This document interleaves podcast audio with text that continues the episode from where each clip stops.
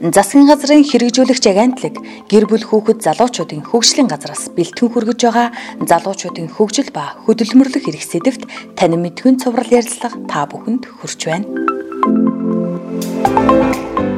Сайн байцгаана уу сонсогчдоо. Бид энэ удаагийн дугаартаа Монголын үйлдвэрчний эвлийн холбооны хөдөлмөр хяналт хуулийн бодлогын газрын хуулийн мэрэгжилтэн саран цэцэрлэгчийг оролцуулж байна. Тэгээд танд энэ өдрийн мэндийг хүргье.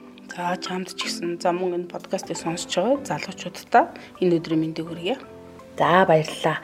Тэгэхээр бит хоёр өнөөдөр хөдөлмөр эрхлэлтийн нөхцөлийн талаар залуучуудаа танин мэдгэн одоо мэдээллүүдийг хүргэхээр ярилцахад бэлэн болоод байна. Аа тэгээд эхний асуулт маань юм бол хөдөлмөр эрхлэлтийн нөхцөл гэж юу юм бэ? За тэгээд хөдөлмөр эрхлэлтийн нөхцөл нь хөдөлмөрийн нөхцлөөс ялгаатай юу? Энэ талаар манай залуучуудад тайлбарлаад өгөөч. За хөдөлмөрийн нөхцөл хөдөлмөр эрхлэлийн нөхцөл хоёр маань хоёул ялгаатай ойлголт.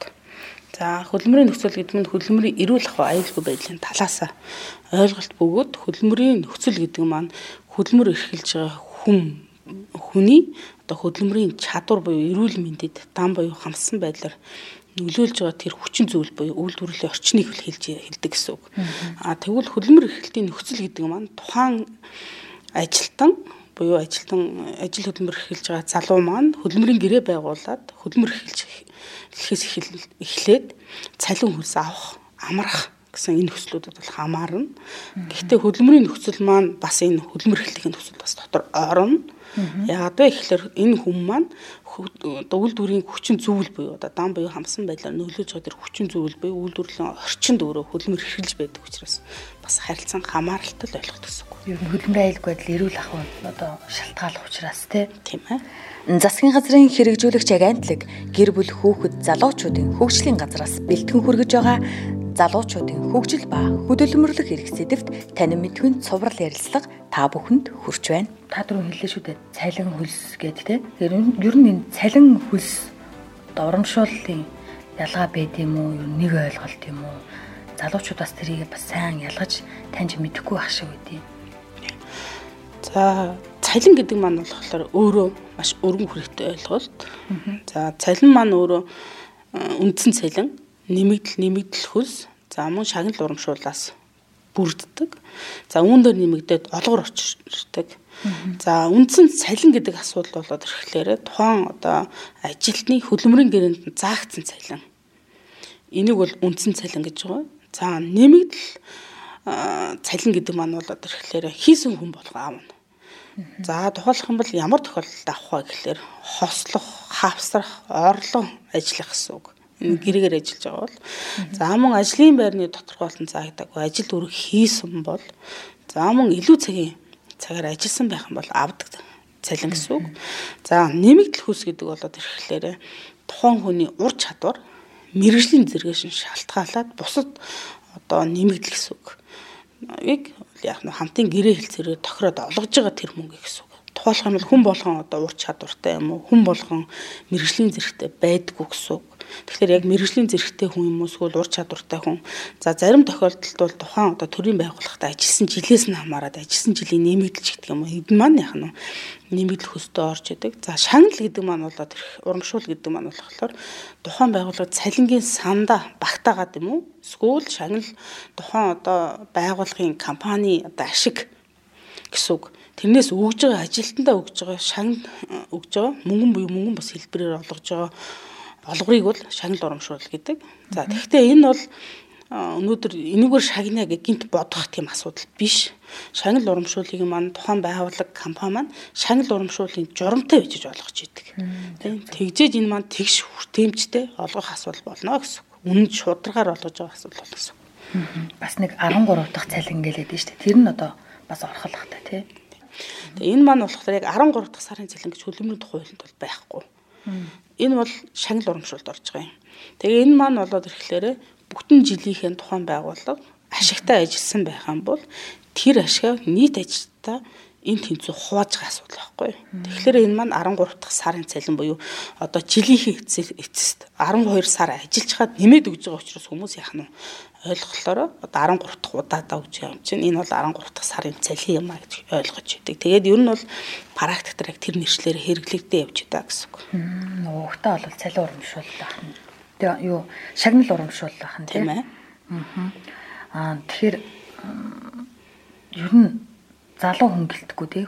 Ер нь хүн дунджаар ялангуяа монгол хүн дунджаар 7 хоногт одоо хэдэн цаг ажиллах хэрэгтэй тий.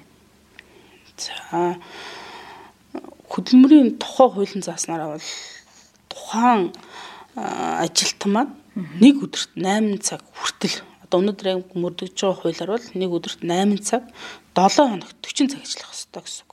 За энээс дээшээ гарсан цаг маань бол тэгэхээр илүү цаг Гэхдээ илүү цагийн асуудал гэдэг маань одоо өөрөө сайн дураар ажил дур гүйцэтгсэн цагийг бол яах нь? Илүү цаг тооцохгүй ажил олгогчийн шийдвэрээр илүү одоо ажлын цагтаа багтаахгүйгээр хийж нэмж хийж байгаа тэр ажил үүргийг бол одоо тэгэхээр илүү цаг гэж байгаа. А мөн илүү цагаар ажиллахгүй байх тохиолдлуудыг бас дурдж өгсөн байгаа гэсэн. Илүү цагаар ажиллах тохиолдлуудын дурдж өгсөн учраас яах нь? Илүү цагаар бас ажиллах одоо ажил олгогч бол хэн дуртай цагтаа хүнийг яах нь илүү цагаар ажиллуулад байхыг зөвшөөрдөггүй өнөөдөр одоо хөдөлмөрийн хуулиар гэсэн. Тухайлах юм бол одоо гинтийн давчгүй хүчин зүйл байж гэн тухайн байгууллагын үйлдвэрлэлийн хосол тийэлтэй холбоотой нөхцөл байдал бий болсон үед ч гэдэг юм уу? Эсвэл тухайн байгууллагын ажлын ачаалал нэмэгдсэн үеэр ч гэдэг юм уу? Яг энэ үеүүдээр илүү цагаар ажиллах болохоос биш. Одоо хий нэгэн ажил олгогч дуртай цагтаа тухайн ажилтныг чи илүү цагаар ажил гэж тулан шаардах эрх байхгүй. Ер нь энэ ээлжийн амралтыг одоо тооцоох тооцох төр нь яаж тооцдیں۔ Залуучууд манаас мэдэхгүй байдаг баха та энэ тал дээр нэг жоохон тайлбар өгөөч. За ээлжийн амралт гэдэг маань болохоор хүн ер нь бол амарч явах хэрэгтэй. Ажил амралтын цаг гэдэг маань бол тухайн одоо байгууллага буюу хөдөлмөрийн тухай хуулиар тогтоож өгсөн цагийг бол ажил амралтын цаг гэж байна. За ингээд ажил амралтын цагт маань тухайн одоо амралтын цаг гэдэг маань бол тухайн хүнд өөрт нь өгсөн. Өөрийнх нь одоо зохицуулах боломж тэр цаг хугацаа хэлж байгаа гэсэн үг. Аа мөн бүхтэн жил болоод заавал амрах хэрэгтэй. Энэ бичилж амрах үүрэгтэй тий ажил болгоч бол тухайн ажилтныг бичлэн амрах үүрэгтэй ажилтан бол амрах эрхтэй гэсэн үг. За ингээд 11 сар болоод амрах гэдэг ойлголт бол ер нь хуулинд бол байхгүй. Тухайн ажлын жилд нь амрах хэрэгтэй гэсэн үг. За ажлын жил гэдэг ойлголт нь ямар тохиолдолд гарч ийн гэхээр тухайлах юм бол тухайн хүн 2019 оны 1 сарын нэгэнд ажилд орсон байх юм бол 2020 оны 1 сарын 1-нд ажлын жил нь бол гэсэн үг. Тэгэхээр энэ жилийн хугацаанд хизээ яаж амрах юм бэ гэдэг асуудлыг бол тухайн байгууллага өөрийнхөө дотоод дүрм журмаараа тогтоож өгнө. А хэрвээ ингэж тогтоогоогүй байгаад байгаа тохиолдолд ажил олгогч тухайн хүнийг заавал 6 сар улаад амар эсвэл 11 сар улаад амар гэж тулхан шаардах эрхгүй гэсэн үг. За мөн хоёр ээлжийн амралтын хоорондын хугацаа нь хэдий их хугацаа байх юм те хэдэн сар болоод дараагийнхаа амралтыг эдлэх юм бэ гэдгийг бол мөн тухайн байгууллагын дотоод дүрм журмаараа тогтоож өгдөг. За энэнийг бол бас хамтын гэргээр нэмэлтээр тогтоож өгч асууж болно. За ажилтны одоо дөнгөж ажилдаа ороод юм нэгээс 5 жилийн хооронд ажиллаж байгаа ажилтны маань ээлжийн амралтын үндсэн хоногийн хугацаа нь бол 15 хоног. За үүн дээр ажилласан жилээс шалтгаалаад 3 3 хоногор хөдөлмөрийн хэвийн нөхцөлд ажиллаж байгаа тохиолдолд бол нэмэгдээд явна. За хэвийн бос нөхцөлд ажиллаж байгаа тохиолдолд бол 5 5 хоногор нэмэгдээд явна. За энэ дээр хөгжлийн бэрхшээлтэй буюу 18 нас хүрээгүй, насанд хүрээгүй хөлмөр эрхэлж байгаа хүүхэд маань болохоор үндсэн амралт нь ээлж амралт нь 20 хоног байна. Ингээд нэмэгдээд явна гэсэн үг. Тэгээ энэ дэр бас нэг нэг хоногоо яаж тооцох вэ гэдэг баггүй. Ер нь бол практик төр календарийн хоногор ажилчид маань өөрснөө тооцоод байдаг. Тухайлах юм бол 2019 оны 6 сарын 1-нд орсон байх юм бол 2020 оны 1 6 сарын 1 бол болж иж энэ хүмүүс ажлын жил буюу 1 жил ажилласан гэж үздэг. Гэтэл тухайн ажилтан маань 2020 оны 1 сарын 1 болоод ирэнгүүтэл би энэ байгууллагт 2 жил ажиллалаа. 2 дахь жилээ ажиллаж байна гэж үзээд идэг. Календарийнхаа юу гэж хэлээр.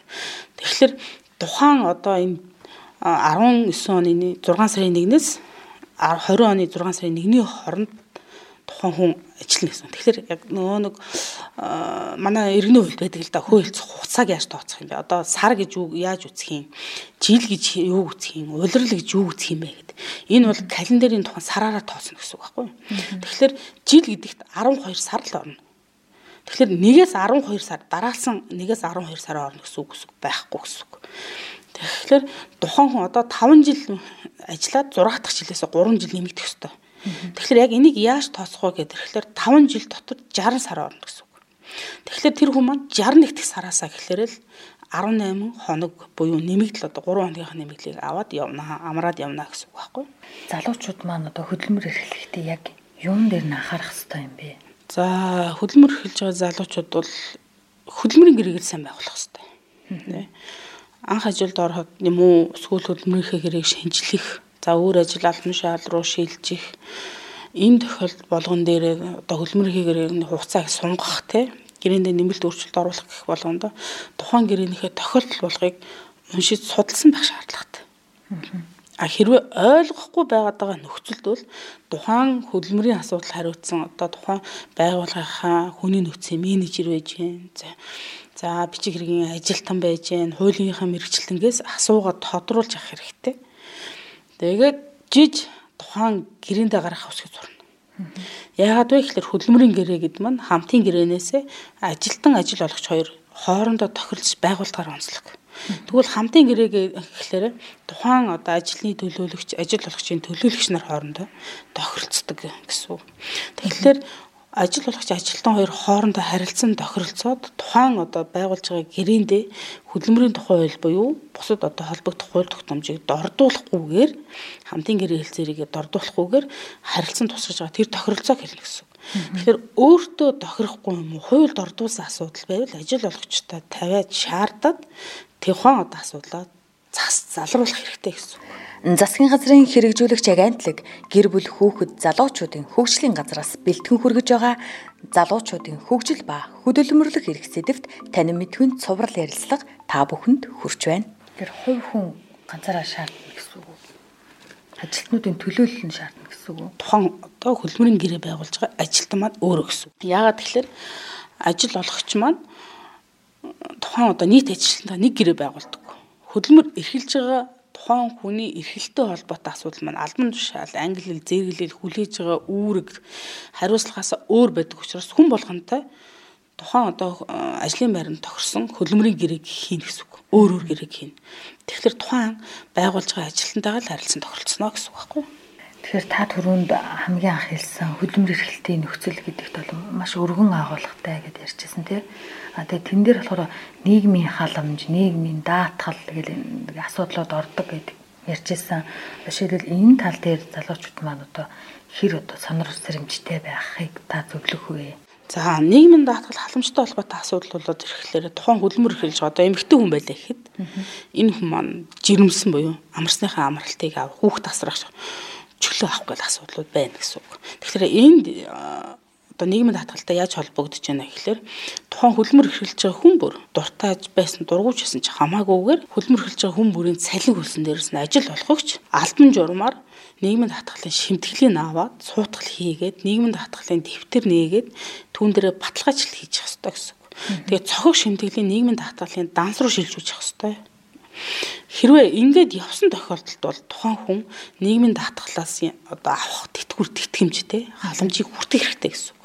А хэрвээ ингийгүү тохиолдлууд тухайлах юм бол тухайн байгууллага нийгмийн даатгалт өртөө за мөн одоо ингээд нийгмийн даатгалын шимтгэлийн төлөөгүй за мөн нийгмийн даатгалын шимтгэлийн тухайн хүний цалин дээрээс авсан боловч нийгмийн даатгалын данс руу шилжүүлээгүй байх юм бол энэ одоо тэтгэвэр тэтгэмж авах ихээр тухайн ажилтан хохирж идэг. Тэгэхээр энэ хөдөлмөр эрхлэлтэй холбоотой асуудал яригдж байгаа тохиолдолд тухайн одоо ажилтан маань нийгмийн даатгалын шимтгэлээ төлж гин үү? За баталгаачлалтын зөв хийж гин үү? тухайн одоо авсан цалингаас нь нийгмийн даатгалын шимтгэлийг яах нь нийгмийн даатгалын хилцээний дансанд төлж гин үү гэдэг дээр бас хяналт тавьж байгаа гэж байна. Хоёрын ярилцах хугацаа бага учраас миний асуугаагүй үлдсэн ч юм уу залуучуудад одоо хандаад хэлж хийсэн гэж хүсэж исэн зөвлөгөө байх юм бол та хэлж болно. Хөдөлмөр эрхэлж байгаа хүн бүр буюу хөдөлмөр эрхлэж байгаад ажил хөдөлмөр хайж байгаа залуучууд маань болоод ирэхлээр ямар нэгэн байдлаар хөдөлмөрийн гэрээ байгуулахдаа тухайн хөдөлмөрийн гэрээгээ тухайн ажилтнтайгаа ажил олгочтойгоо харилцан тохиролцоод байгуулахдаа заавал уншиж судалж байгаа нэгтэй. За хоёрт нь хөдөлмөрийн хэрэг заавал бичгээр авч байгаарэ. тухайлхан бол архивж авч үлдчихэж байгаарай. За мөн тушаа шийдвэрүүдийн яах нь ажилд авсан хавсан тушаалуудаа заавал авч байгаарай. Өөр архивж үлдчихэж байгаарай. За мөн одоо хөдөлмөрийн гэрээ дээрээ байгуулахдаа тухайн хөдөлмөрийнхээ гэрээг хааж хуудас болгон дээр гар хөлийнхөө үсгийг зурж байгаарай. За зарим тохиолдолд одоо хөдөлмөрийн гэрээ байгуулахгүйгээр ажил хөдөлмөр эрхлүүлээд хийчдэг, хийлэгдэг. За ингээд жишээлх юм бол одоо 2019 оны 6 сарын 1-нд тухайн хүнийг ажилд аваад ажилуулж байгаад 2019 оныхоо 9 сард нь хөдөлмөрийн гэрээ байгуулдаг. Байгуулахдаа 6 сарын 1 гэсэн огнотол хөдөлмөрийн гэрээ өгчдөг. Гэтэл тухайн ажилчид маань яадаг вэ гэхээр ард нь гарынхаа үсгийг зурчдаг. Тэгэхээр ямар нэгэн одоо өргөдөл, гомдол, хөдөлмөрийн гэрээ байгуулахдаа ч гэсэн яах нь заавал гарынхаа үсгийг зураад ард нь он сараа тавьж. Тэгэхээр тэр он сар тавьсан өдрөөс маань тухайн одоо хөдөлмөрийн гэрээний цаг хугацаа тий зарим одоо тохиолдолд өргөдөл гомдол гаргах эрх мань тоологдод явж байдаг. Тэгэхээр энэ дээр бас анхаараарай л гэж хэлмээр байна. За баярлалаа. Тэгээд манай залуучуудад одоо хөдөлмөр эрхлэлтийн нөхцөлийн талаар дэлгэрэнгүй сайхан тайлбарлаж танин мэдхүн мэдээллүүдийг өгсөн танд баярлалаа та бүхний ажил үйлсэд хамгийн өндөр амжилтыг хүсье. Тэгээд эргэн уулзахын ёроолыг тавья. За чамд ч гэсэн баярлалаа. Ажлын амжилт хүсье. За баярлалаа. Баяртай.